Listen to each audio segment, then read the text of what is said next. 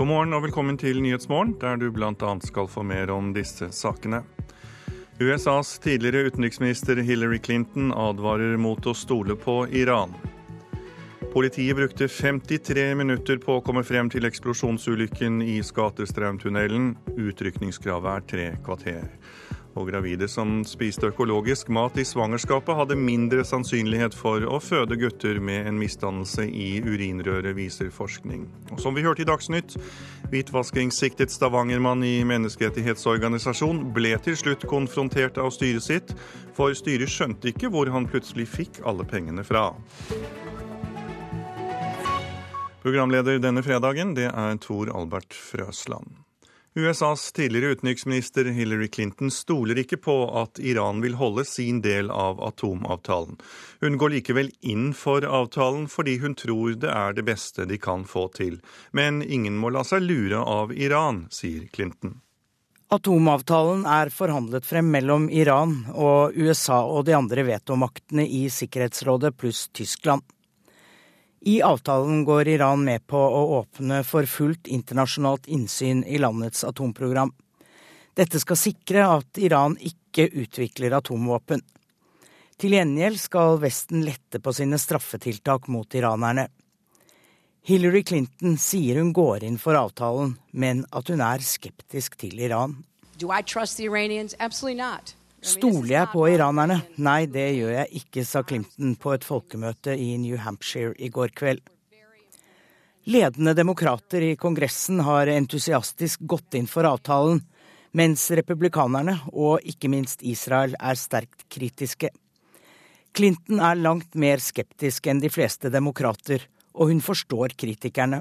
There are people on the other side of this whom I respect, who have said very clearly they can't support it. They think it's a mistake. Um, they believe that the Iranians will you know, cheat on the agreement. Det er motstandere av avtalen som jeg har stor respekt for. De tror at iranerne kommer til å jukse, sier Clinton. I think that is a respectable argument. However, I think it's important to ask what are our alternatives. Jeg har stor respekt for det argumentet, men hva er alternativet, spør Hillary Clinton. Clinton var president Barack Obamas første utenriksminister etter å ha tapt nominasjonskampen mot ham. Etter at hun gikk av som utenriksminister, har hun flere ganger distansert seg fra Obamas utenrikspolitikk. Blant annet mener hun at USA sviktet opprørerne mot president Bashar al-Assad i Syria. Hillary Clinton håper igjen å bli demokratenes presidentkandidat, og er i full gang med valgkampen. Hun markerer seg nå med sin Iran-skepsis.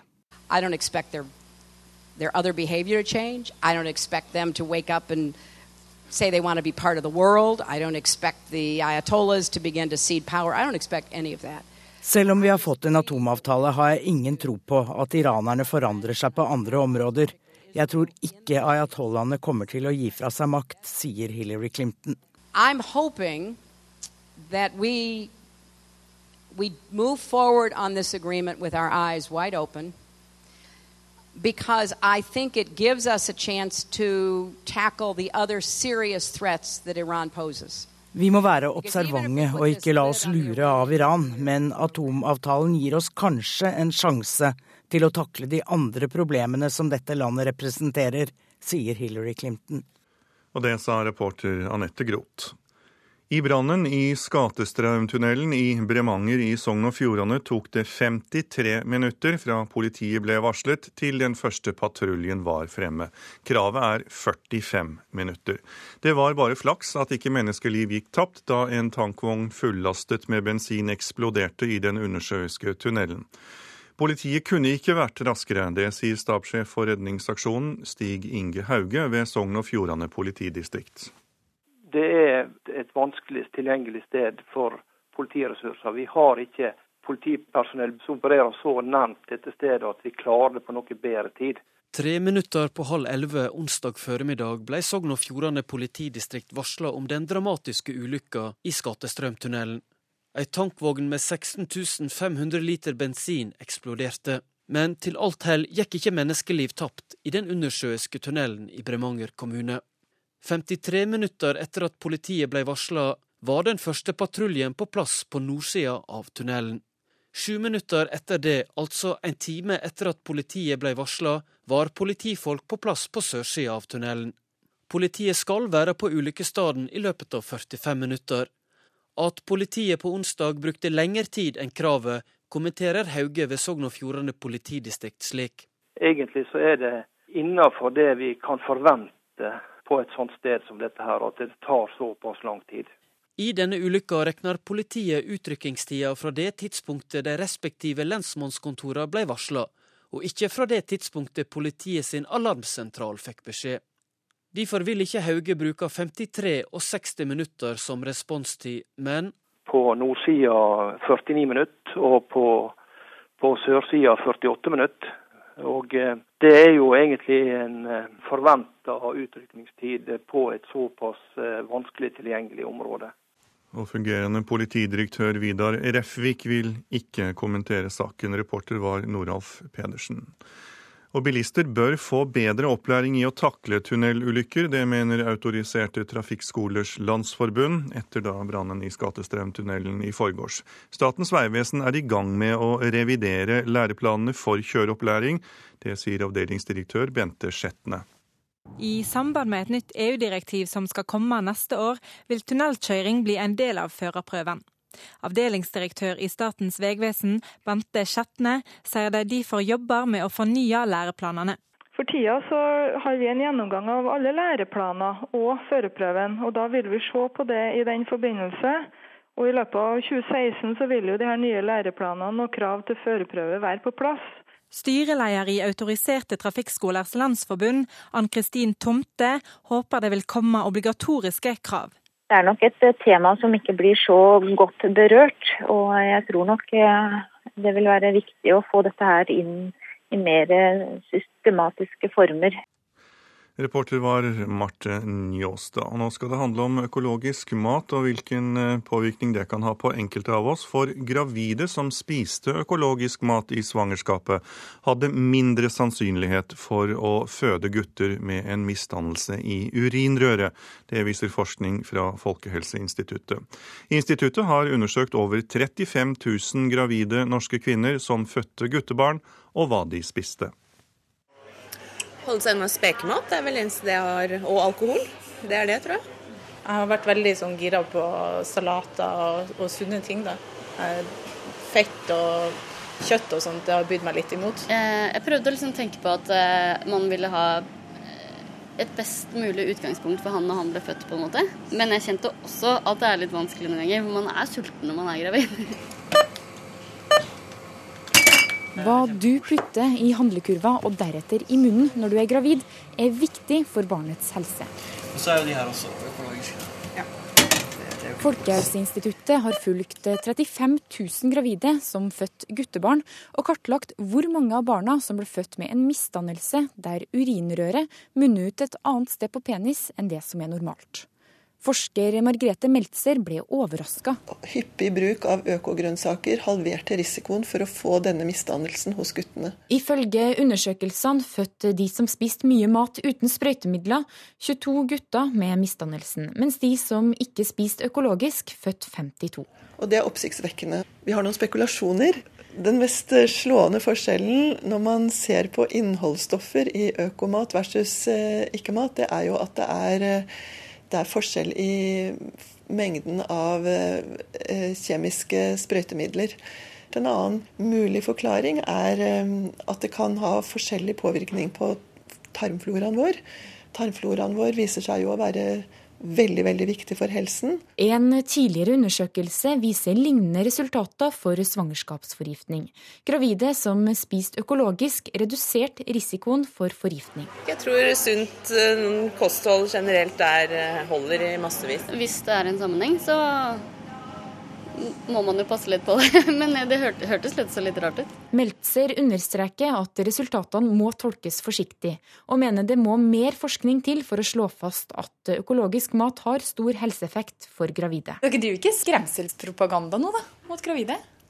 Tvert imot. Jeg syns vi har en uh, veldig et veldig positivt budskap, alt i alt. Frukt og grønt, grovt, eh, sunt fett. Eh, det gjør susen.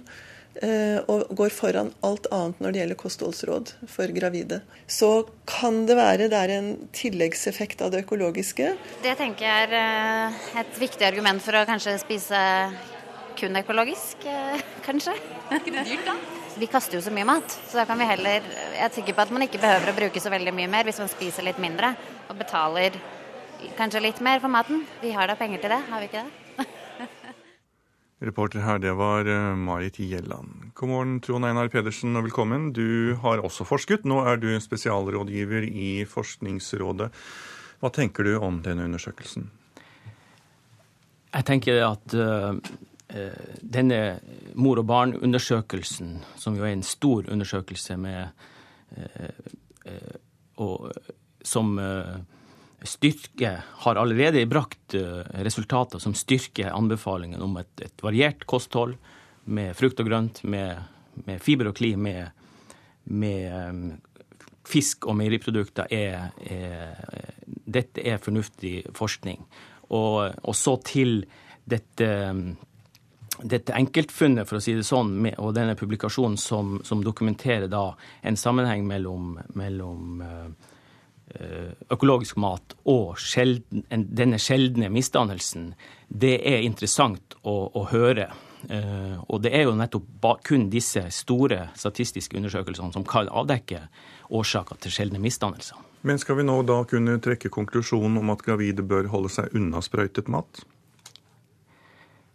Det trengs jo mer forskning for å, for å Eh, kunne for å komme, komme dit. Eh, personlig eh, kommer jeg, eller mener jeg vel at, at våre, våre, myndigheter med sine grenseverdier på, på sprøyta mat, på konvensjonell matproduksjon, er, langt, er innafor et, et, godt kosthold som er, som er forsvarlig. Så, så å komme dit at vi bare skal spise økologisk mat, det er vel eh, en vei å gå før man eh, kommer dit. Dette er en eh, stor, massiv undersøkelse. Hele 35 000 kvinner er spurt. Ja, og dette er en del, altså, sånn som jeg ser det, en, et veldig bra, stort prosjekt som nå jobber med temaet mat og helse. Og mat- og helsetemaet er et tema som Forskningsrådet og flere, for ikke å si alle gode krefter i både Norge og, og resten av verden jobber hardt med for å løfte. Sånn at uh, forskning på mat og helse er, eh, er en, et tema som, som, som, skal løftes i fremtida. Og spesielt vil jeg vektlegge uh, betydninga av å bringe sammen medisinskfaglige miljøer med matfaglige forskningsmiljøer. Fordi det er nettopp Eh, ved å, ved å komme videre og studere kostholdet, maten sin betydning. Og det var jo nevnt tarm, tarmens eh, betydning og, eh, når det gjelder matinntak. Det er jo helt klart at dette er viktig. og så Det er en ting som Forskningsrådet og andre vil løfte nå fremover. Norsk mat kontra utenlandsk mat? Norsk mat, utenlandsk mat. Det er helt klart at vi Eh, er avhengig av begge deler. Og eh, sånn eh, at det er nok ikke noe enten-eller i, i det, dette spørsmålet. Sunt, variert kosthold, grovt, riktig fett, frukt og grønt. Det er det beste. Vi har mye kunnskap allerede om at det er, et, det, er det som er tilfellet. Og dette med maten det er et tema som nå skal løftes på forskningsdagene, som er Forskningsrådets uh, uh, formidlingsopplegg til høsten. Og der kommer flere seminarer og konferanser i kjølvannet av dette. Da gleder vi oss til å høre mer om hvordan maten påvirker eh, livene våre. Takk skal du ha, Trond Einar Pedersen i Forskningsrådet. Klokken den er snart 18 minutter over sju. Du er Nyhetsmorgen, du har radioen din på. Her er hovedsakene våre. Politiet brøt utrykningskravet ved ulykken i Skatestrømtunnelen. Brukte 53 minutter på å komme frem til eksplosjonsulykken. Utrykningskravet er tre kvarter. Ingen må la seg lure av Iran, det advarer USAs tidligere utenriksminister Hillary Clinton.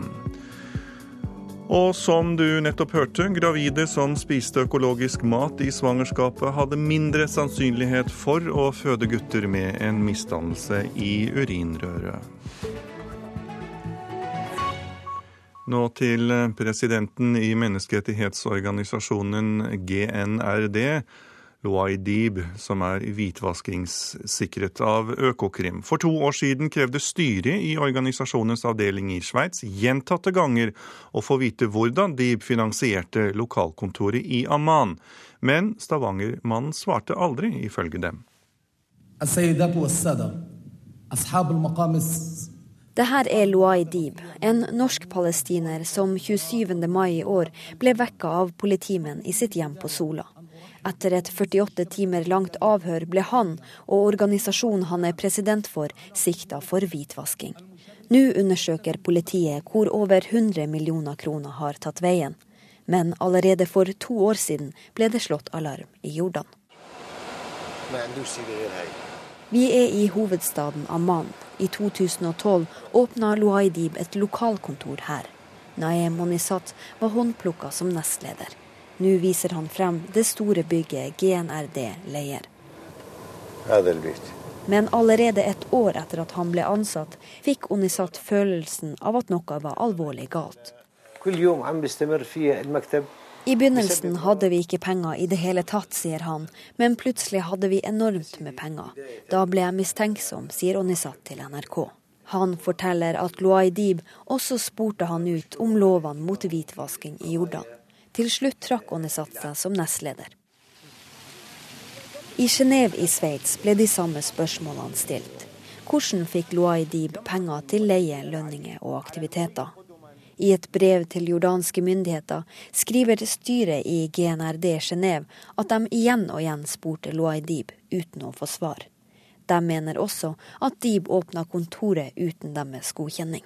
Nå undersøker en dommer i Jordan om det er hold i beskyldningene mot Luai Dib. Uh,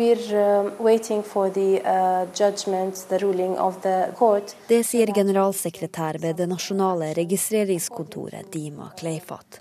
Hun sier siktelsen og beskyldningene i brevet bekymrer myndighetene. Of course, uh, we're worried. We don't want to have any contact with any organization that might have any um, connections with money laundering or any um, other accusations. But uh, from our experience, we need to be certain that this information is, is true and correct, so that we will take the right action uh, accordingly. Konkluderer dommeren med at Loai Dib er skyldig, kan det være kroken på døra for GNRD i Jordan. Og Verken advokaten til Loai Dib eller GNRD vil kommentere saken. Reportere det var Kristine Svendsen og Mohammed Alayobi. Avisforsidene nå. Befolkningen snur. Befolkningen rundt om i verden har størst frykt for klimaendringer. Vi i Norge skiller oss ut, for vi frykter innvandrere mest, skriver Vårt Land. Kirken vil tjene på de minste, skriver Klassekampen. En av de største private barnehageeierne i Bergen, Bergen kirkelig fellesråd, varsler kutt i kostnadene for å få utbytte fra barnehagene. Og mens vi er i Bergen, Bergensbanen er Norges mest upålitelige jernbanestrekning, skriver Bergens Tidende. I år er, så langt i år er tre av ti avganger forsinket. Åna fengsel ville selge eiendom for å få inn penger, men da ville fengselet mistet inntekter fra Statsbygg.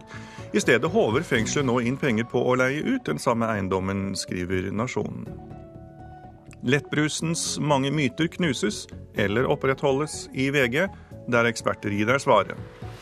Arbeiderpartileder Jonas Gahr Støre finner trygghet i sin tro i Dagbladet i dag, og mer om det skal du også få høre i Nyhetsmorgen senere. Norwegian tvinges til å utsette både Asia-, Afrika- og Sør-Amerika-satsingen. Alt settes nemlig inn på USA, skriver Dagens Næringsliv. Aftenpostens A-magasin har en reportasje fra Utøya i dag. AUF-leder Mani Hussaini skal lede den første leiren på øya siden massakren. PST mener det er så godt som umulig å fange opp en soloterrorist lik Anders Behring Breivik, og PST prioriterer islamister over høyreekstreme, skriver Dagsavisen.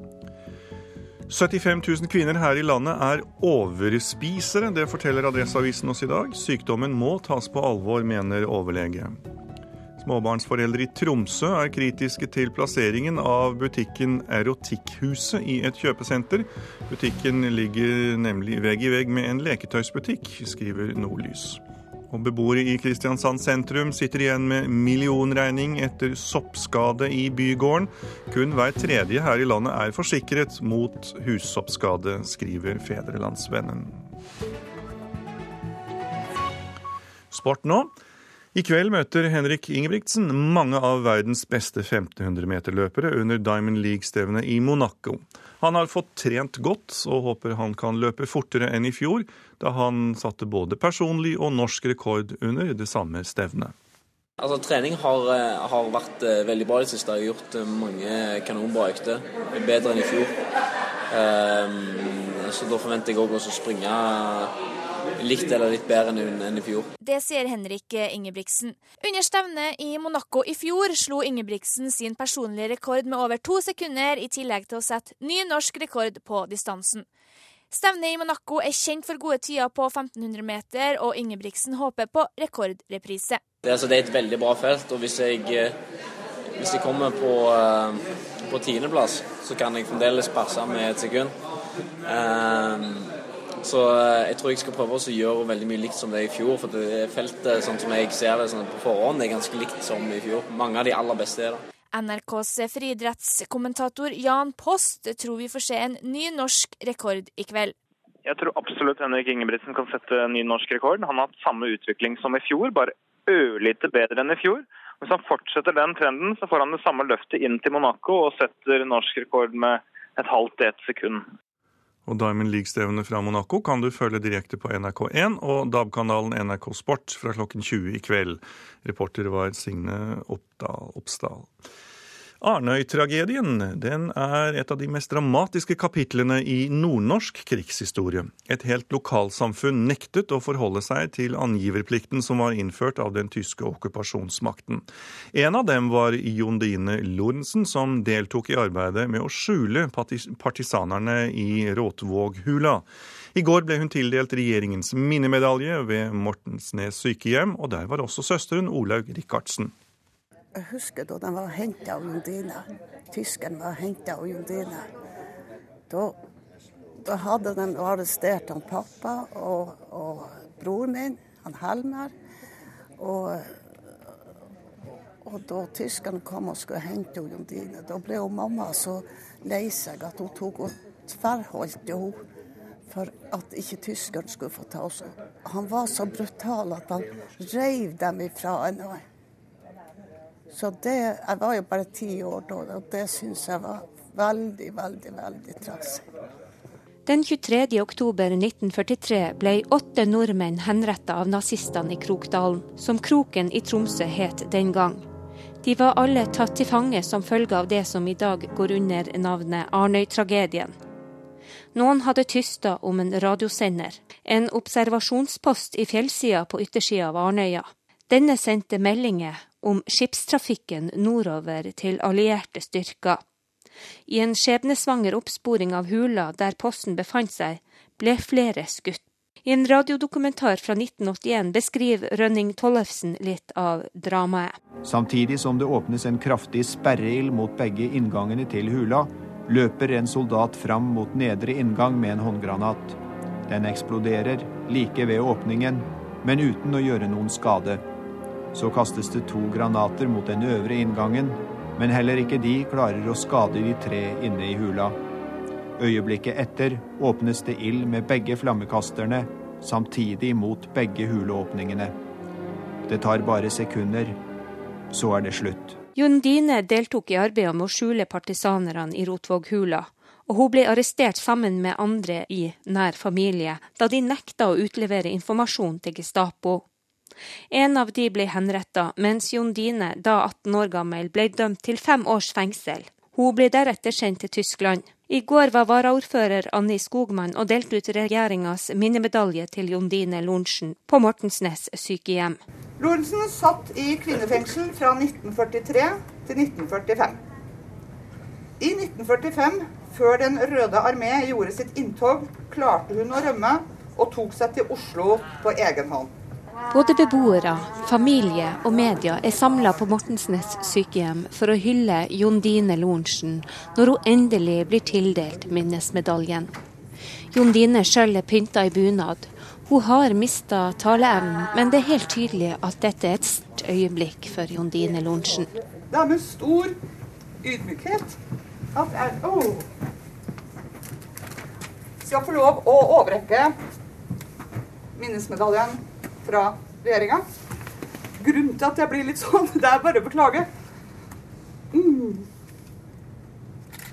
Jeg hadde egne som deltok. Vet litt. Og setter utrolig pris på de enkeltmenneskene som gjorde den innsatsen for at jeg og alle vi andre kan leve så godt som vi gjør i dag. Gratulerer til Jondine Lorentzen. Reporter var Tove Jensen. Videre her etter hvert i Nyhetsmorgen så skal du få møte varaordfører i Kristiansand, Jørgen Haugland Kristiansen. Du skal få høre fra Rune Edvardsen i Saronsdal, men først så er Tone Nordahl kommet i studio for å gi deg de siste nyhetene fra Dagsnytt-redaksjonen.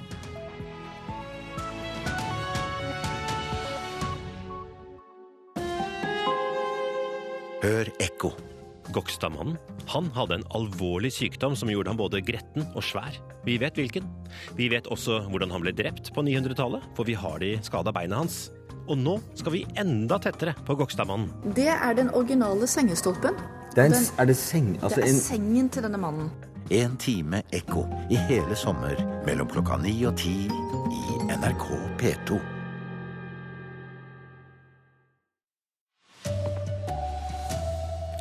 Hillary Clinton stoler ikke på at Iran vil overholde atomavtalen. Bilister bør lære mer om tunnelulykker, mener kjørelærere. Og ny forskning viser at gravide som spiste økologisk, hadde mindre sannsynlighet for å føde gutter med en misdannelse i urinrøret. Her er NRK Dagsnytt klokka 7.30. USAs tidligere utenriksminister Hillary Clinton stoler ikke på at Iran vil holde sin del av atomavtalen som ble undertegnet denne uka. Ingen må la seg lure av Iran, sier Clinton. Hillary Clinton er krystallklar. Iranerne stoler hun ikke på. Likevel mener hun atomavtalen som er forhandlet frem med Iran, er bedre enn ingenting. I avtalen tillater Iran fullt internasjonalt innsyn i landets atomprogram. Dette skal sikre at Iran ikke utvikler atomvåpen. Til gjengjeld letter Vesten på straffetiltakene mot landet. Ledende demokrater i Kongressen har entusiastisk gått inn for avtalen, mens republikanere er sterkt kritiske. Clinton forstår kritikerne. I think that is a respectable argument. However, I think it's important to ask what are our alternatives. Jeg forstår motstandernes argumenter og har respekt for dem, men hvilke alternativer har vi, spør Hillary Clinton. Clinton håper å bli demokratenes presidentkandidat ved valget til neste år, og er i full gang med valgkampen. Hun markerer seg nå med skepsis til atomavtalen. I'm hoping that we we move forward on this agreement with our eyes wide open because I think it gives us a chance to tackle the other serious threats that Iran poses. Vi må være observante og ikke la oss lure av Iran. Men atomavtalen gir oss kanskje en mulighet til å takle de andre problemene som dette landet representerer, sier Hillary Clinton. Reporter her var Anette Groth. Bilistene bør få bedre opplæring i å takle tunnelulykker, mener kjøreskolene. Det har vært flere alvorlige branner i norske tunneler de siste årene. Den siste var i Skatestraumtunnelen i Bremanger på onsdag. Statens vegvesen er i gang med å revidere læreplanene for kjøreopplæring. Det er store variasjoner i opplæringen som elevene får.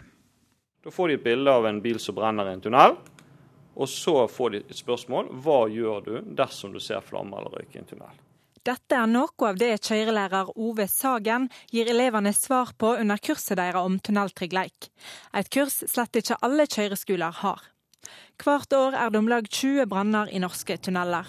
Og Sagen savner en læreplan som handler mer om dette. Det står litt i, i læreplanen vår at de skal kunne litt om kjøring i tunnel, men det er ikke noe mer konkret enn det. Det har vært for lite fokus på det. I samband med et nytt EU-direktiv som skal komme neste år, vil tunnelkjøring bli en del av førerprøven. Avdelingsdirektør i Statens vegvesen, Bente Skjetne, sier de derfor jobber med å fornye læreplanene. Det bygges stadig flere tunneler. Det blir mer vanlig at folk kjører i tunneler.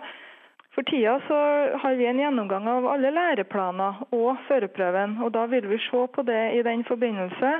Og I løpet av 2016 så vil jo de her nye læreplanene og krav til førerprøve være på plass. Styreleder i Autoriserte trafikkskolers landsforbund, Ann-Kristin Tomte, håper det vil komme obligatoriske krav. Det er nok et eh, tema som ikke blir så godt berørt. Og jeg tror nok eh, det vil være viktig å få dette her inn i mer eh, systematiske former i forhold til trafikkopplæring. Så nærmer vi oss neste tunnel. På vei inn i Løvstadtunnelen i Bergen minner Sagen oss på det som er viktigst å huske på om det skulle oppstå brann. Kom deg ut av tunnelen. Det er første bud. Reporter her var Marte Njåstad. Nå til presidenten i menneskerettighetsorganisasjonen GNRD, Loay Dib, som er siktet for hvitvasking. For to år siden krevde styret i organisasjonens avdeling i Sveits gjentatte ganger å få vite hvordan Dib finansierte lokalkontoret i Amman, men Stavanger-mannen svarte aldri, ifølge dem. Det her er Luai Dib, en norsk-palestiner som 27. mai i år ble vekka av politimenn i sitt hjem på Sola.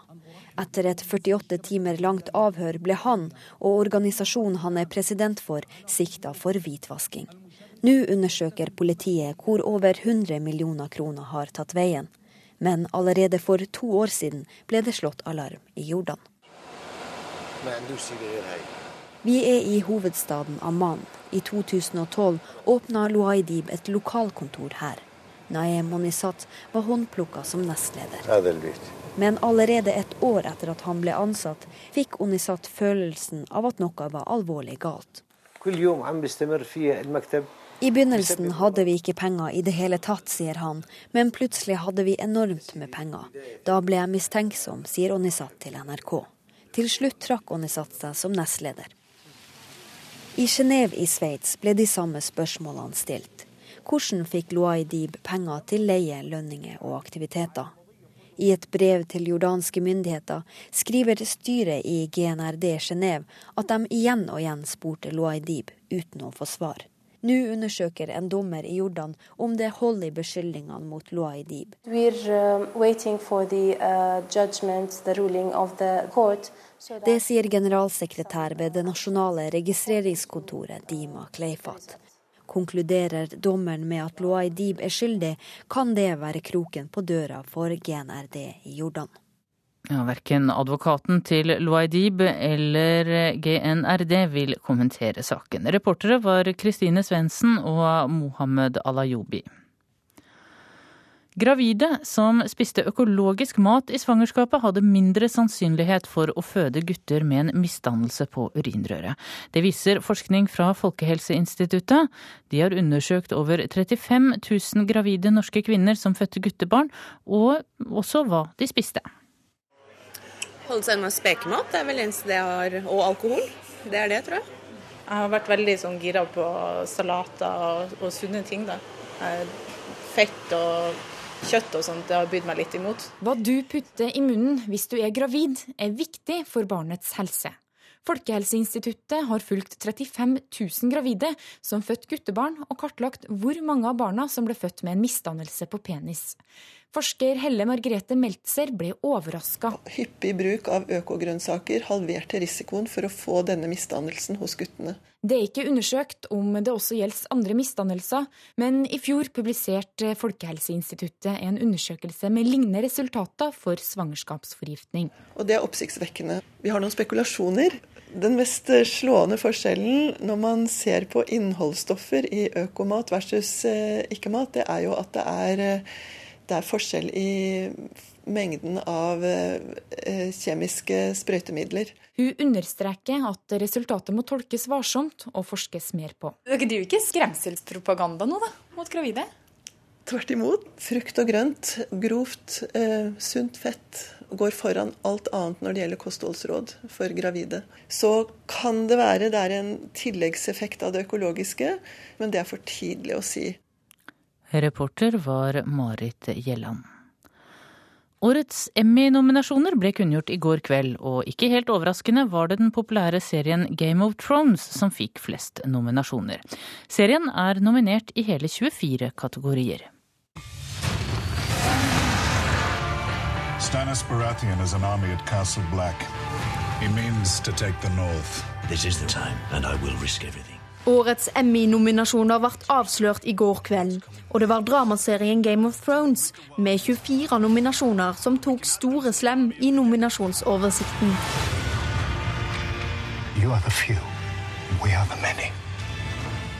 Den amerikanske prisen blir delt ut for å anerkjenne utmerka arbeid innen fjernsynsproduksjon. Og ikke helt overraskende for journalist i Filmpolitiet, Rune Haakonsen, var det at de gamle dominerte på lista. Det er de gamle traverne, de store mastodontene, som eh, i år også tar brorparten av nominasjonene. Game of Thrones på toppen med hele 24 nominasjoner. Det er mye. I fjor hadde de noen færre, og da sa vi også at det var mange. Eh, så det er årets virkelige uh, store bauta. Uh, American Horror Story Freakshow har også veldig mange nominasjoner med 18 hos seg, så det er kjente serier. Ute er Breaking Bad. Eh, naturlig nok. Serien er ferdig. Eh, inn der, på den plassen, på ferskisplassen, kommer lillebror-serien Better Call Saul. Så vi kan jo si at det er de gamle som fortsatt rår. Reporter her var Guro Kvalnes. Ansvarlig for Dagsnytt i dag var Hans Jørgen Solli. Det tekniske ansvaret har Frode Thorshaug. I studio Tone Nordahl.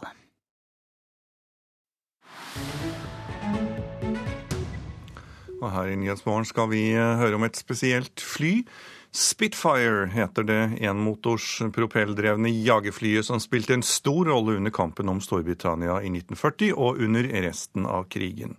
Nå kan briter med interesse for fly og krigshistorie gå i fotsporene til flygerne fra den gang. Uh, sick bag locations. You didn't tell me about that. Okay, which is under there. Her har du spyposer, nå setter vi i gang, sier flyver og den stolte eier av en Spitfire, Richard Verrell. Med seg har han David Emmet, en godt voksen mann som gleder seg som et barn. En Spitfire er egentlig et enmannsfly, men etter andre verdenskrig fikk noen av dem et ekstra sete, slik at de kunne brukes til opplæring. Passasjeren David Emmet får innfridd alle sine forventninger. It was an experience that I've always wanted to and it was just just fantastic. And, and, and for Richard to allow me to fly the plane as well was, was a dream come true. Dette er noe jeg alltid har ønsket meg, sier David Emmett, som har fløyet Spitfire med Richard Verrell, og attpåtil fått lov til å styre en del av veien. Lyden av en Spitfire kan du høre i Biggin Hill i Kent sør for London. Her finnes en hangar med flere av disse flyene. Richard Werrell, som både eier og flyr en Spitfire, bruker mye tid på sitt vakre lille fly. Time, it, from a design point of view, was uh, right at the cutting edge of design. Um, and uh, obviously the shape is completely, and the word that keeps getting overused is iconic, but it is an iconic shape. Vi bruker ordet ikonisk om dette flyet med sin perfekte design. Det kan høres forslitt ut, men dette flyet er virkelig et ikon, sier Richard Verrell til Reuters. Everybody recognises the shape of a Spitfire and principally those, uh, those elliptical wings. And I think that's partly a combination of the, the, the shape, the, the design, uh, the technology of, of, the era, and of course, um, inexorably, it's become totally linked with the, the Battle of Britain, albeit that the Alle kjenner igjen formen på en Spitfire med det slanke skroget og de ellipseformede vingene, sier Richard Verrell, som minner om hvilken stor og historisk rolle dette flyet spilte i The Battle of Britain. Slaget, som varte i en måned høsten 1940, dreide seg om luftherredømme over Storbritannia. Det måtte tyskerne beherske ved en eventuell invasjon. Britene hadde færre fly og færre piloter enn Tyskland, men vant luftkrigen og slo tilbake invasjonsforsøket. De britiske pilotene inspirerte statsminister Winston Churchill til en av hans store krigstaler. Never in the field of human conflict was so much owed by so many to so few. Aldri har så mange hatt så få å takke for så mye, sa Winston Churchill om de britiske jagerpilotene som slo tyskerne tilbake høsten 1940. Og i dag er det altså mulig å følge i heltenes fotspor.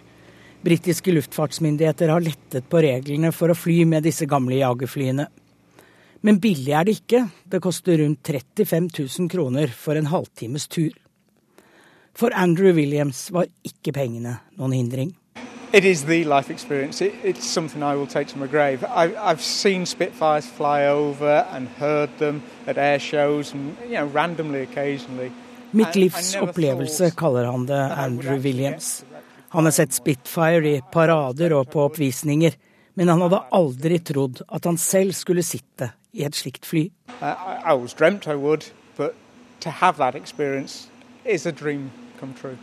Drømmen gikk i oppfyllelse for Andrew Williams. Reporter var Anette Groth. Nyhetsmorgen har du radioen din på, enten du hører på NRK P2 eller Alltid nyheter. Klokken den er straks kvart på åtte. Her er hovedsakene. USAs tidligere utenriksminister Hillary Clinton advarer mot å stole på Iran. Politi brøt utrykningskravet ved ulykken i Skatestrømtunnelen. Brukte 53 minutter på å komme frem til eksplosjonsulykken. Utrykningskravet er tre kvarter. Og rikspolitikere flokker seg til det kristne sommerstevnet i Saronsdal for å fortelle om sin tro. Om litt så skal du få møte lederen av Troens bevis, Rune Edvardsen, som skal fortelle oss hvorfor det er viktig med politikere på kristne stevner. Nå skal du få møte mannen som er varaordfører i Kristiansand, og partiet hans er tre ganger så stort lokalt som det er i hele landet. Stø styring av økonomien og samarbeid med frivillige organisasjoner står øverst på dagsorden fremover. I dagens politiske sommerintervju får du treffe Jørgen Haugland Kristiansen.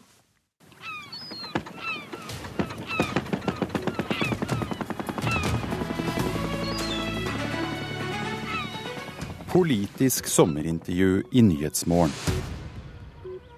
Navnet mitt er Jørgen Haugland Kristiansen og er 39 år gammel. Jeg representerer Kristelig Folkeparti og jeg står som nummer én på bystyrevalget i Kristiansand. Kristiansand det er barnas by. Det er den beste byen i Norden å vokse opp i, og det er en by som barnefamilier bare må besøke. Og så syns jeg også det er veldig spennende den store veksten vi har sett tilflytninga til Kristiansand eh, de siste årene. Og så er jeg også veldig godt fornøyd med eh, den skal jeg si, økonomien vi har klart å skape for Kristiansand de siste årene. For de som ikke kjenner Kristiansand så godt, hvilke partier er det som styrer byen? Kristiansand kommune har eh, ti partier i bystyret, men det er fire partier som utgjør en koalisjon. og Det er altså Kristelig Folkeparti som jeg representerer, og så er det Høyre, og så er det Fremskrittspartiet, og så har vi også med Pensjonistpartiet. Vi hadde ikke trengt da med Pensjonistpartiet, men vi har med de også for å få en litt bredere allianse. Hva blir de mest sentrale stridsspørsmålene i eh, din kommune fram mot valget? Nå sier jeg selvfølgelig litt inhabil eh, når jeg å styre byen, men jeg har inntrykk av at det er lite strid i eh, Kristiansand. At det er en by som, som det er ro for tida. Vi har kontroll på økonomien og, god styring av byen. Eh, men det er klart at det med en fortsatt god kontroll på økonomien vil være viktig. Og så eh, må jeg også si at innholdet i skolen fremover eh, blir viktig. Vi ligger litt for lavt litt for dårlig på, skoler, på, de nasjonale prøvene i forhold til skoleresultater. Men sånn rent stridsspørsmål så er det jo klart at det er jo noen vanskelige saker som sikkert vil prege valgkampen. F.eks. at vi nå skal bygge en ny omkjøringsvei, altså E18, E39, skal legges utenom byen. Da må det ryke det noe, noe naturterreng. Det vil nok bli en, en veldig viktig sak som, som vil prege definitivt eh, valgkampen. Kommunesammenslåing det er et eh, hett tema landet rundt, og på Sørlandet er diskusjonen om sammenslåing av hele sju kommuner til et Stor-Kristiansand i gang. Hva mener du og dere i KrF om en sånn eh, storkommune? Jeg tror jo for det første at ikke det blir noe sag i Kristiansand i nevneverdig grad i forhold til valgkampen. De fleste i Kristiansand syns det er helt greit, sånn som jeg opplever det iallfall, å slå seg sammen med, med disse seks omkringliggende kommuner. At vi nå lager en ny storkommune med opptil 140 000 innbyggere.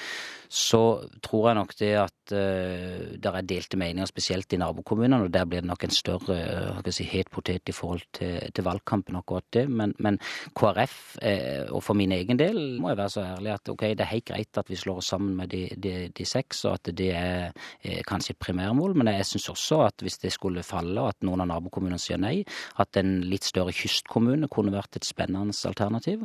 Og Kristiansand er også holdt på å si, kritisk masse nok til å, til å, kunne stå alene i forhold til å levere gode tjenester. Så jeg, jeg har nok et veldig sånn avslappa forhold til det. Jeg sier ut at ja, vi er positive til det, men, men hvis ikke de vil, så, så skal vi, er ikke jeg der at jeg ønsker noe tvangsekteskap.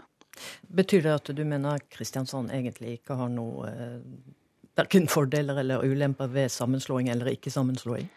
Jeg tror det er det beste for, for landsdelen og for Agder og for Sørlandet at eh, Kristiansand blir større, og at du bygger en ny kommune. Det, og det er også et viktig poeng at en sier at ikke, hvis vi skal gjøre noe her, så er det ikke at Kristiansand skal bli større, men at vi bygger en helt ny kommune, og at en ser på oppgavebiten og sånn. Og jeg kommer til å gjøre det vi kan for å legge til rette for at vi skal få det til, men jeg vet at det er motstand i en del av nabokommunene, og, og jeg, for min del så sier jeg ikke for enhver pris. Dere samarbeider altså med Fremskrittspartiet og Høyre i Kristiansand. og Etter stortingsvalget så mente du at KrF burde gå inn i regjering sammen med Høyre og KrF. Syns du fortsatt det ville vært det beste? Nei, det har nok sett at det, det vedtaket som landsstyret gjorde med at vi, vi, er et støtteparti til regjeringa, det var i ettertid et klokt valg. så du tok feil? Jeg tok feil.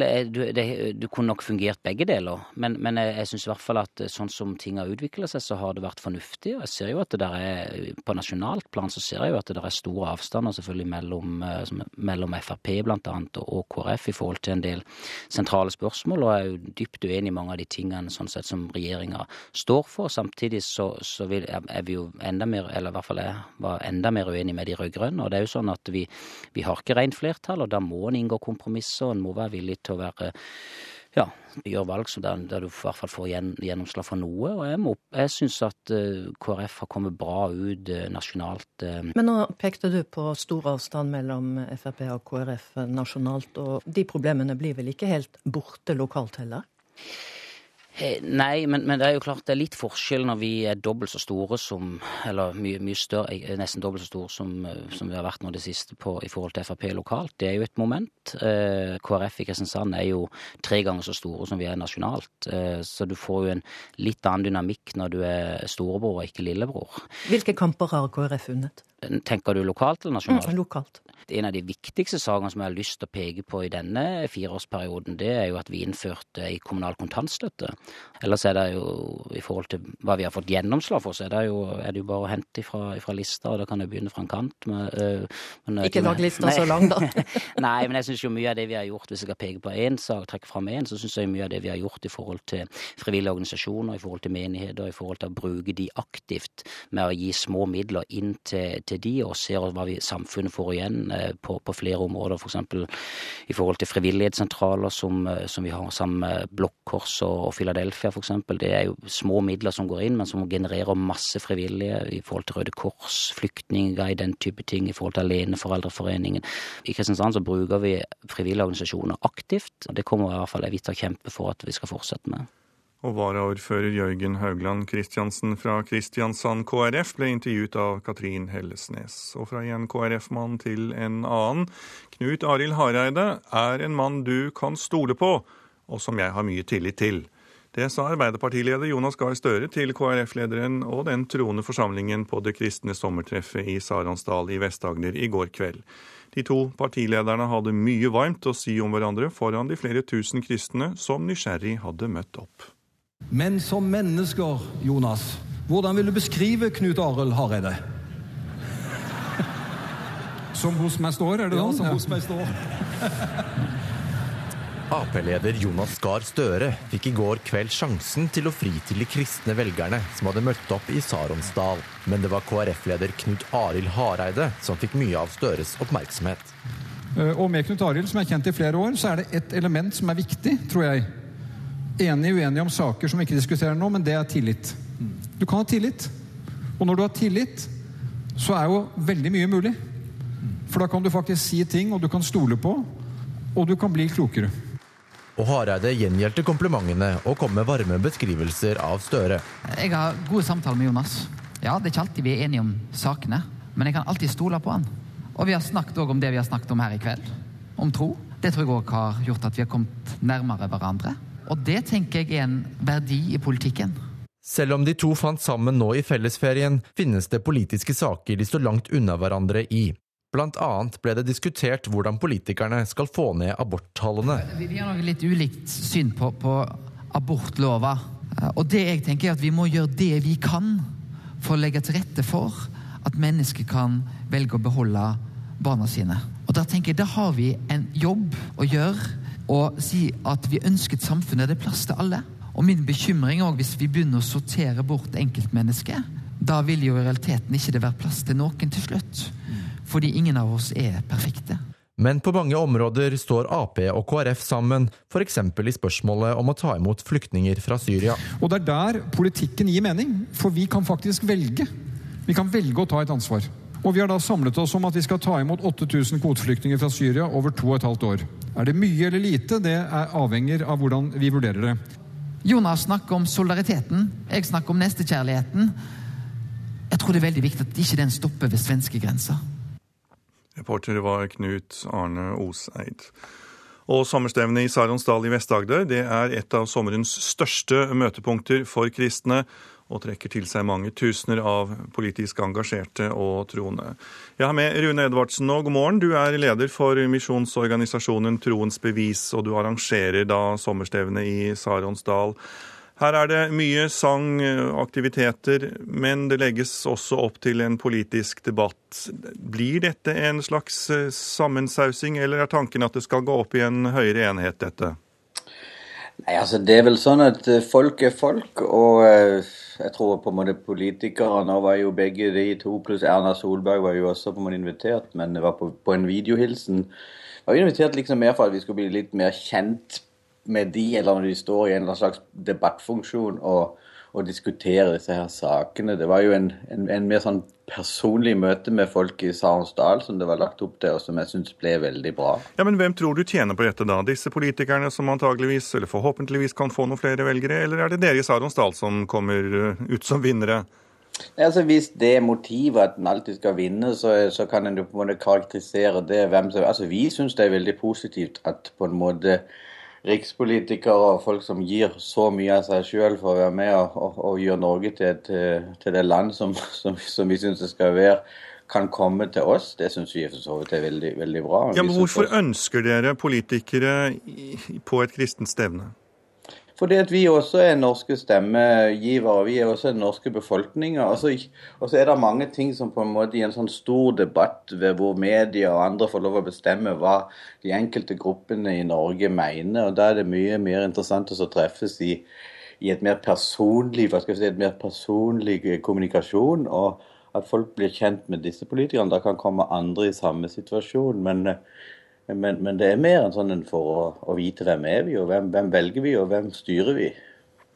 I går var det altså da KrF-leder Knut Arild Hareide og Ap-leder Jonas Gahr Støre som dere hadde på besøk. Mm. Eh, har du, når det gjelder kristne, så er det kanskje en tradisjon for at mange stemmer Kristelig Folkeparti. Har du fått med dem om noen vil eh, velge et annet parti i år? Altså Nå var jo som sagt dette ikke en sånn, en sånn veldig politisk eh, sak å rette på at det skulle skaffes velgere til den ene eller den andre. Men det er klart i, i tida så er det jo også ikke sant, både i media og nyheter, og vi ser jo at det er en slags bevegelse fra begge de partiene. Som, som, så, så, det ble plutselig en god del hva skal jeg si, nyhetsmuligheter. Men du har jo oppfordret folk til å stemme Arbeiderpartiet. Står du fortsatt ved det? Ja, det er, det er, mitt parti, men folk må få stemme hva de vil. Men det, jeg, jeg har på en måte min, mitt politiske ståsted har vært Arbeiderpartiet siden jeg var en ung gutt. Takk, Rune Edvardsen, for at du var med oss her i Nyhetsmorgen. Da er det værvarselet for i dag som står for døren. Fjell i Sør-Norge starter vi med. Nord for Finse blir det regnbyger. Snøbyger over ca. 1500 meter. Ellers opphold og perioder med sol. Østlandet. Enkelte regnbyger, utrygt for torden. Perioder med sol, særlig i sør. Telemark for det meste pent vær. Aust-Agder mye pent vær. Vest-Agder nordvestlig, av og til liten kuling utsatte steder og mye pent vær. Rogaland i ettermiddag nordvestlig liten kuling på kysten i sør, stort sett pent vær. Hordaland utrygt for spredte regnbyger, vesentlig i indre strøk, ellers pent vær. Sogn og Fjordane skiftende skydekke, regnbyger, snøbyger i høyfjellet. Fra i ettermiddag stort sett pent vær i ytre strøk. I kveld lettere vær også i midtre og indre strøk.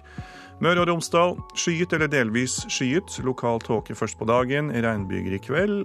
Litt lettere vær. Trøndelag skyet, regn og regnbyger og lokal tåke.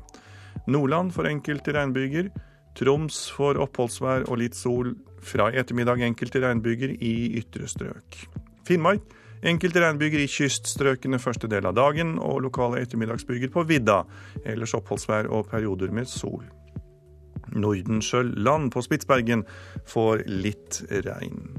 Morgentemperaturene målt for en eh, times tid siden. Svalbard lufthavn hadde da åtte grader. Kirkenes ni. Vardø og Alta elleve. Tromsø-Langnes ti. Bodø og Brønnøysund ni. Trondheim-Værnes og Molde ti. Bergen-Flesland ni. Stavanger tolv. Kristiansand-Kjevik og Gardermoen 10. Lillehammer 8. Røros 6. Og Blindern i Oslo hadde tolv grader målt klokken 7. Det er Nyhetsmorgen du hører på. Etter klokken åtte så kan du bl.a. få høre at gravide som spiste økologisk mat i svangerskapet, hadde mindre sannsynlighet for å føde gutter med misdannelse i urinrøret. Det utdannes for mange film- og TV-arbeidere i landet, og nå skal TV-skolen på Lillehammer utvide studieplassene. Produsent Eli Bjelland, programleder Tor Albert Frøsland.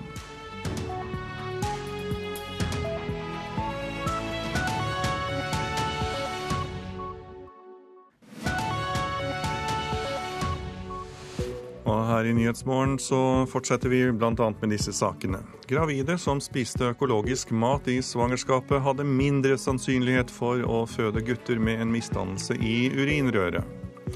Og som vi hørte i Dagsnytt, ingen må la seg lure av Iran. Det advarer USAs tidligere utenriksminister Hillary Clinton. Så utdannes det for mange film- og TV-arbeidere her til lands, og studiet på Lillehammer utvider med flere studieplasser til tross for dette. Programleder denne fredagen, Tor Albert Frøsland. Gravide som spiste økologisk mat i svangerskapet, hadde mindre sannsynlighet for å føde gutter med en misdannelse i urinrøret. Det viser ny forskning fra Folkehelseinstituttet. Instituttet har undersøkt over 35 000 gravide norske kvinner som fødte guttebarn, og hva disse kvinnene spiste. Holde seg unna spekemat er vel eneste det har, og alkohol. Det er det, tror jeg. Jeg har vært veldig sånn gira på salater og, og sunne ting. da.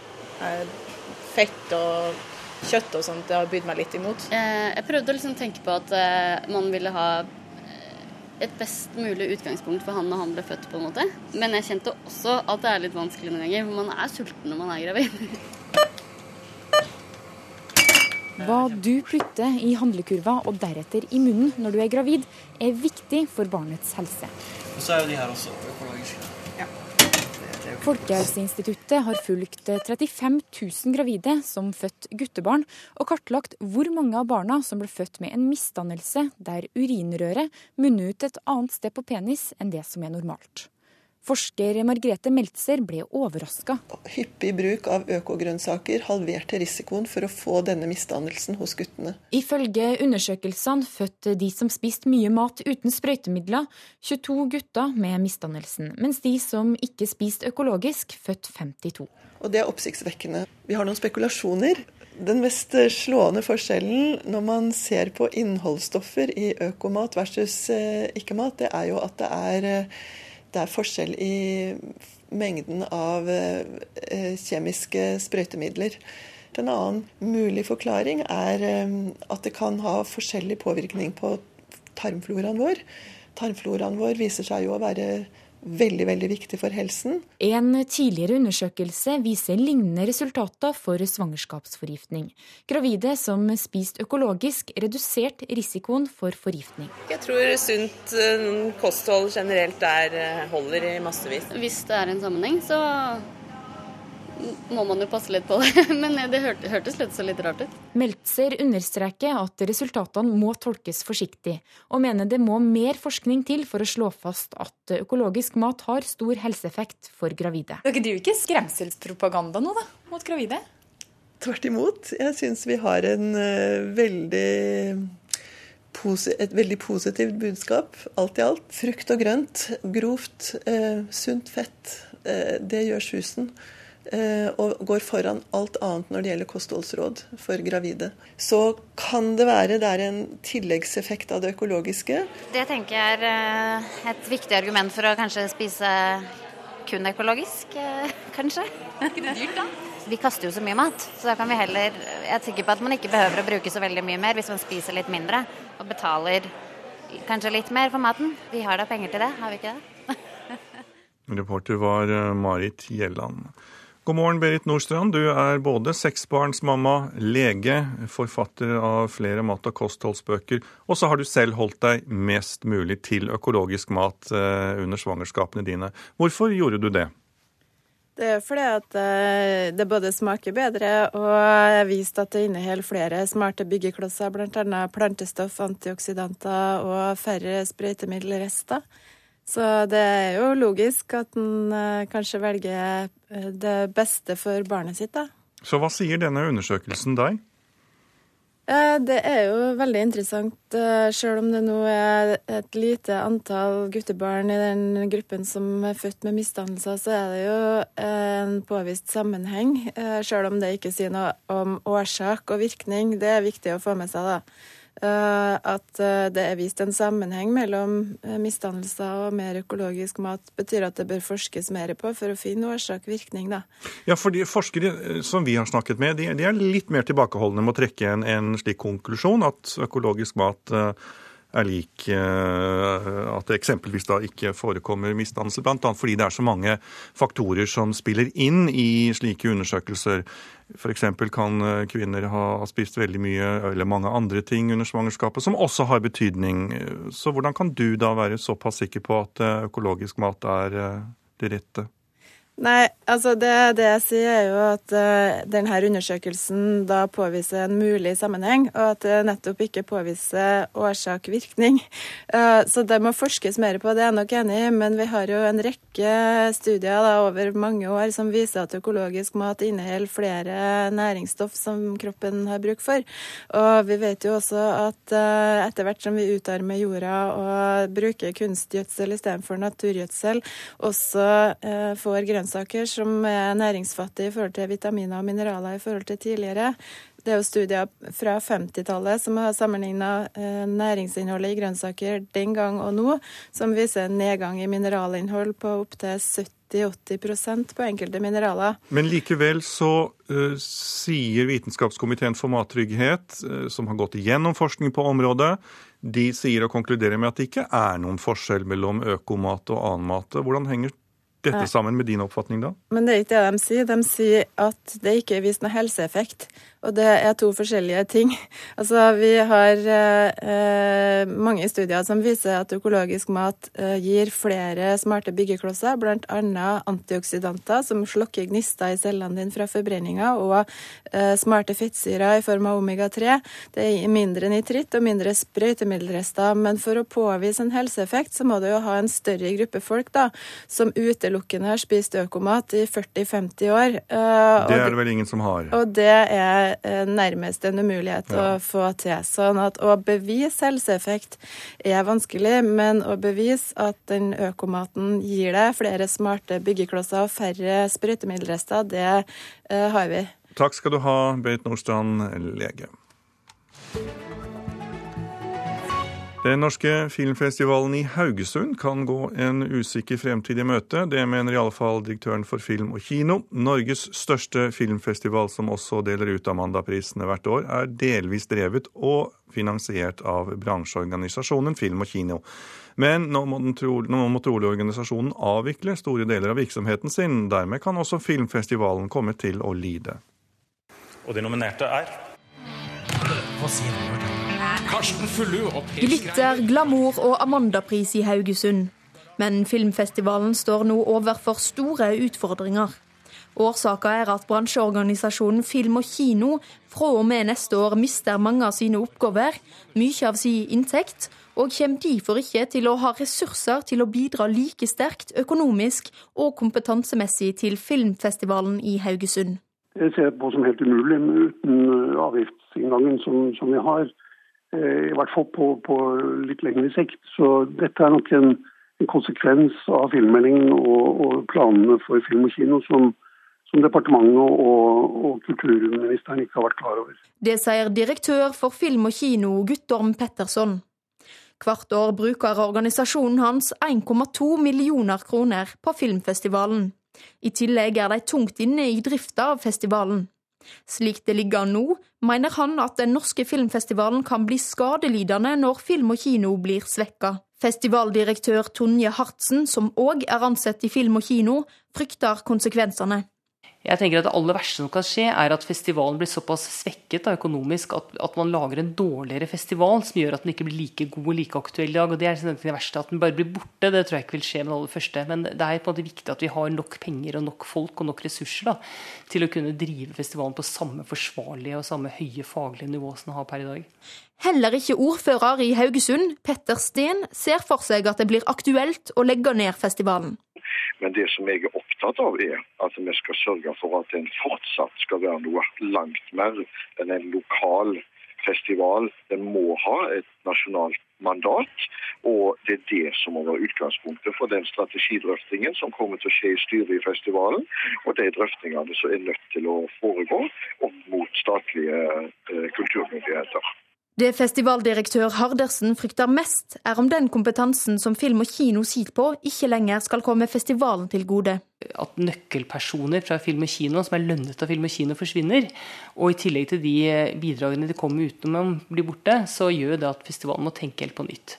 Departementet skal ikke inn og eie noen festivaler. Filmfestivalen i eh, Haugesund og andre filmfestivaler vil eh, i framtida kunne få de midlene som de har fått eh, til filmfestivalene. Det vil de også kunne få i framtida.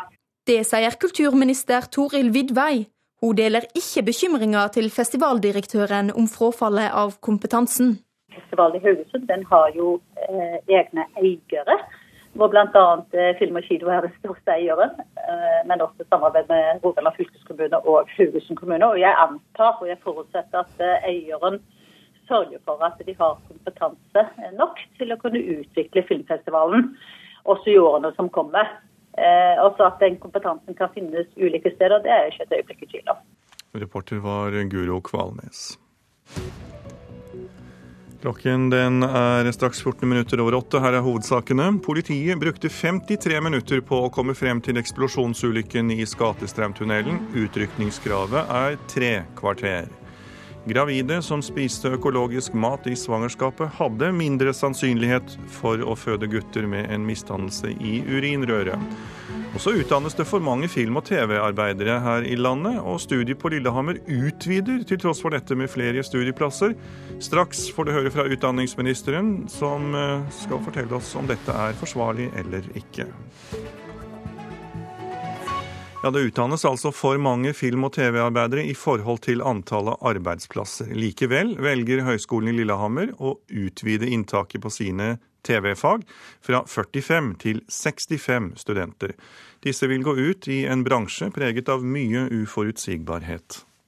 Det har gått rundt hele veien, bortsett fra ved årsskiftet nå i 2015. Da, da var det mye som sa stopp. Kari Marte Bråten Åndal gikk ut med en master i flerkamerateknikk fra Høgskolen i Lillehammer i 2010. Da måtte jeg rett og slett eh, få meg ekstrajobb i butikk. hun opplevde å komme ut i en bransje med få faste kontrakter og mye uforutsigbarhet. Det er veldig få fra mitt eh, kull som har fått seg fast stilling. Ellers er vi frilansere, ellers er det andre som har eh, funnet andre ting å gjøre. Dekan ved TV-fagene på Høgskolen i Lillehammer, Hege Mikkelsen, forteller at de nå skal utvide antallet studieplasser. I dag har vi 45 eh, studieplasser. Vi kommer til å utvide vårt nye studietilbud med enda flere fagfunksjonsutdanninger, sånn at vi ser at vi kan ta opp 20 flere studenter. Jeg syns det utdannes for mange innenfor TV i Norge i dag. Åge Bråten Åndal får støtte fra flere av høyskolens nåværende og tidligere studenter. NRK har vært i kontakt med flere som mener at kapasiteten på arbeidsmarkedet allerede er sprengt, og at det blir feil å øke inntaket. Altså, det er ingen tvil om at utdanningskapasiteten i dag er veldig høy i forhold til bransjens størrelse. Sverre Pedersen i Norsk Filmforbund er enig med studentene. Hvert år går over 400 ut med en bachelorgrad innen film og TV fra norske utdanningsinstitusjoner.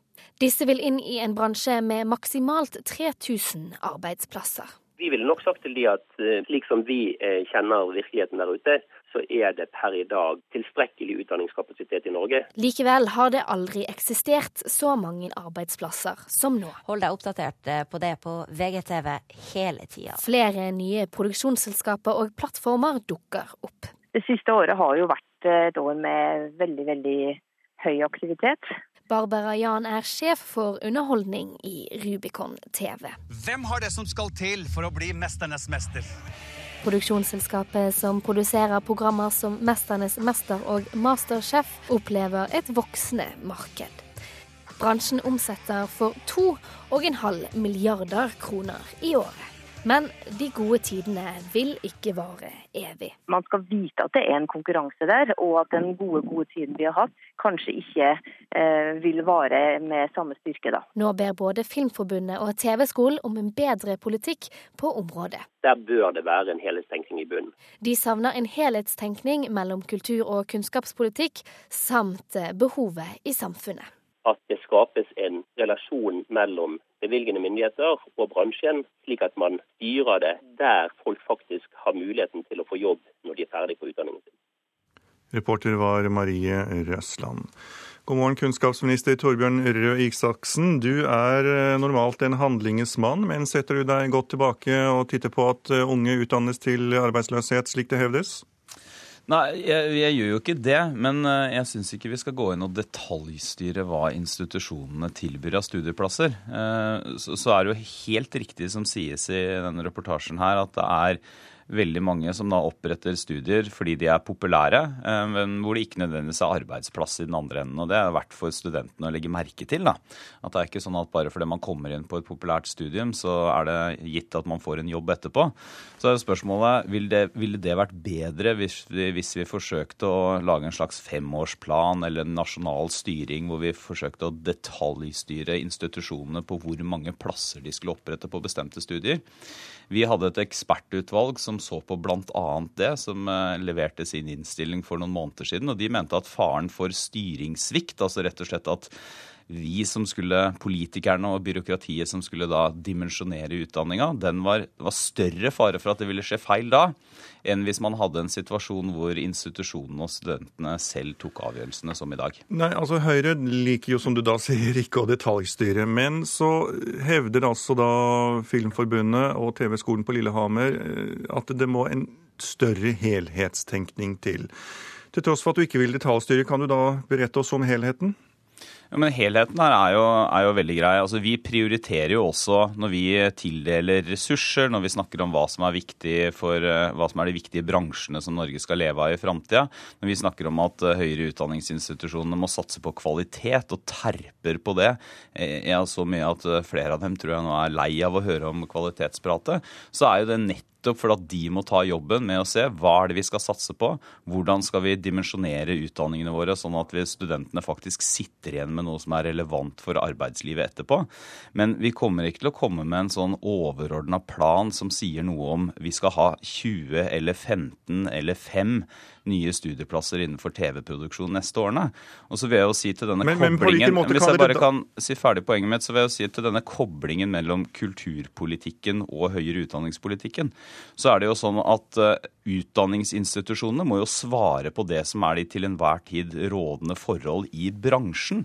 Her er det jo ikke noe forskjell på TV-produksjon og ingeniørutdanning eller lærerutdanning eller eh, regnskapsførerutdanning. Men på hvilken måte vil du da forhindre at folk utdanner seg til arbeidsløshet? Nei, vet du hva? Det mener jeg institusjonene selv må ta ansvar for. Eh, og det er ikke, det er ikke mener jeg, altså hvis vi, ha, hvis vi, skal ha, universiteter og høyskoler i Norge som ikke er gjennomstyrt og detaljregulert fra politisk hold, men som er da det de pleier å si i festtaler, er autonome, altså selvstyrte institusjoner med stor frihet til å, eh, til å utvikle tilbudene sine, men med klare og tydelige kvalitetskrav, så kan ikke vi sitte og bestemme fra departementet om det skal være fem eller 15 nye plasser innen et studie neste år. Men det kan legge noen føringer?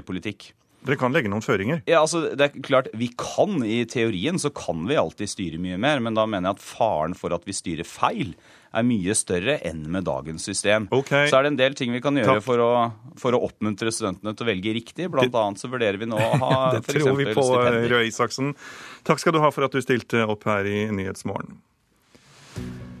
Nå skal vi titte litt på det som uh, står på forsiden av, i avisene.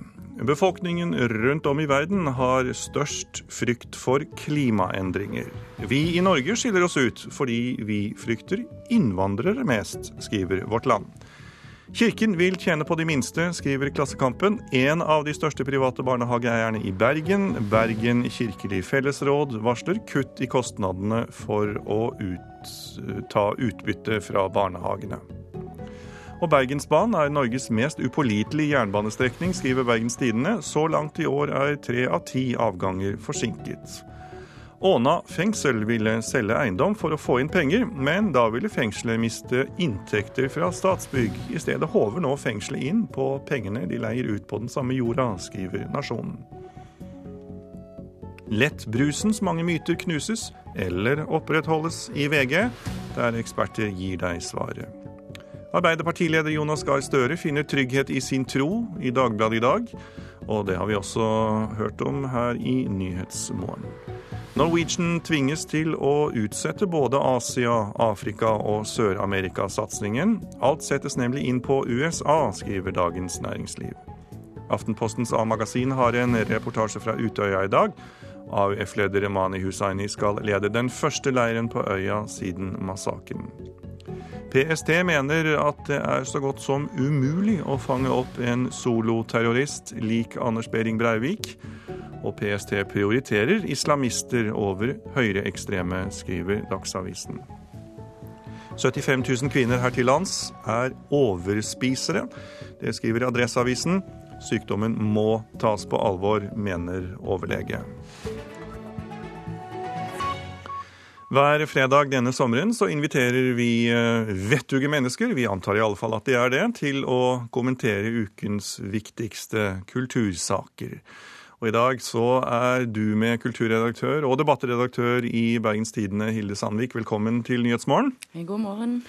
Du, Denne uken så skrev Aftenposten at det skal åpnes en utstilling i regjeringskvartalet, der en del av utstyret til Anders Behring Breivik skal stilles ut. Bl.a. restene av bombebilen, det falske ID-kortet og kofferten som inneholdt både våpen og ammunisjon. Mm. Hva synes du om den ideen? Nei, altså jeg, jeg, hadde den samme reaksjonen som eh, bl.a. Dagfinn Nordbø, satiriker, som skrev i, i VG om at uh, vi trenger ikke et mekka for uh, terroristen. Um, det er et det er noe med, med, både de gjenstandene og den nærheten til det som har skjedd, som er selvsagt ubehagelig. Men spørsmålet jeg stiller meg, er hva skal vi med det? En vet at eh, andre har gjort eh, andre typer grep. Hitler sin bunkers ble murt inne. Det ble laget en rundkjøring over rett og slett for han ikke ønsket et slags valfartssted eh, inn i grusomheten. Mm, det var òg min, min første reaksjon.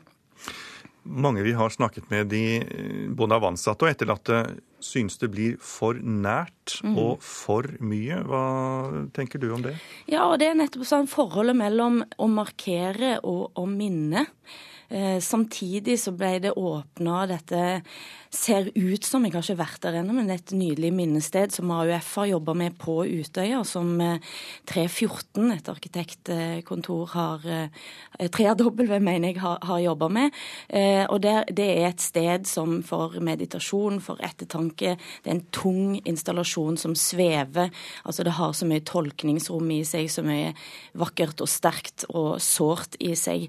Eh, og det å lage denne type minnesmerker eh, tenker jeg er viktig, og det er viktig for, for det å kunne gå gjennom en sorg etterpå. Men dette oppleves for meg som et sted du går med en annen type rett og slett grafsende nysgjerrighet. Altså Én ting er å fortelle historien rolig, eh, og det å ha et informasjonssenter som kan fortelle og forklare hva som har skjedd, eh, på en rolig måte. Men gjenstandene tilfører en slags aura over det som, som jeg er svært skeptisk til. Ja, og Det er også øh, enkelte som hevder, bl.a. forfatter og ytringsfrihetsforkjemper Åge Storm Borchgrevik, at øh, denne utstillingen kan bli nærmest et slags valfartssted for tilhengere av øh, Breivik. Hva tenker du da? Nei, altså Jeg tenker at det står en i fare for. Eh, hvor mange som valfarter til et sånn breiviksk sted, det er vanskelig å si, men det vet en jo at det er tilhengere. Det vet en jo eh, i Bergen uten sammenligning på en helt annen måte, men en vet jo hva slags valfart det er òg. Det er en som tok liv, altså grevens eh, altså Stavkirken i Fana som brennes ned. Det reiser hvert år folk for, eh, for å se på det stedet. En annen ting vi har hatt oppe denne uken, det er historien om selskaper som bruker sosiale medier som reklamekanal, og som derfor står i fare for å rette reklame mot barn noe lovverket sier man skal være svært forsiktig med. Og som det ligger en del begrensninger både på TV og, og kino i. Mm. Og Dette bekymrer bl.a. Forbrukerombudet. Lar du deg også hisse opp av dette? Ja, jeg tenker jo at her Forbrukerombudet bekymrer seg med, med god grunn. Eh, og så er det vanskelig å stoppe. Men det finnes jo et, et EU-direktiv. Det er jo ikke Totalreklame mot barn er jo ikke forbudt. Det som er forbudt, er en reklame som sier 'kom og kjøp'. Eh, og en vet at den måten reklameverden opererer på i øyeblikket, det er en ganske sånn nervøs og nesten sånn gullgraveraktig stemning i medieselskapene i øyeblikket, fordi sosiale medier bl.a. gir deg mye større mulighet til å reklamere direkte til den målgruppen du ønsker deg. Vil du møte jenter tolv, så kan da den datainnsamlingen og gjennom den, de sporene vi legger igjen etter oss, gjøre at du møter akkurat jenter tolv. Ja, men jenter tolv, for å ta det som utgangspunkt, da, denne, denne unge gruppen, de er, jo, de er jo i dag veldig vant til å, å bruke internettet, og, og antageligvis også da sjalte mellom, i hvert fall til en viss grad, mellom det som, som ikke er så, så, farlig eller så viktig. Mm. Ja, og det tror jeg, og jeg håper jo at en, det er jo det er jo noen sånn slags lesekunnskap som, som må inn tidlig. Eh, at en, en har utviklet en kritisk bevissthet og ser hva det er som reklame, ser hva det er som produktplassering, eh, ser at den bloggeren som legger ut dette fantastiske beta-karotenmiddelet, er faktisk betalt av beta-karotenprodusenten for å legge det ut. Altså, denne, altså Nå er vi fremdeles i en sånn slags barndom av dette. Eh, og den kunnskapen håper jeg kommer. Og så tror jeg òg at en ja, men en slags sånn nervøsitet som en ser i hele bransjen i øyeblikket, og uh, er, er, er, noe som vil måtte gå seg til når mediene blir mer voksne. Og så kommer det sikkert òg flere reguleringer på plass etter hvert. Du, kort til slutt, Sandvik. Bør eh, reklamen merkes bedre? Ja. Reklame bør alltid merkes godt og tydelig. Det gjelder òg innholdsreklame, altså såkalt content marketing. Takk skal du ha, kultur- og debattredaktør i Bergens Tidende, Hilde Sandvik.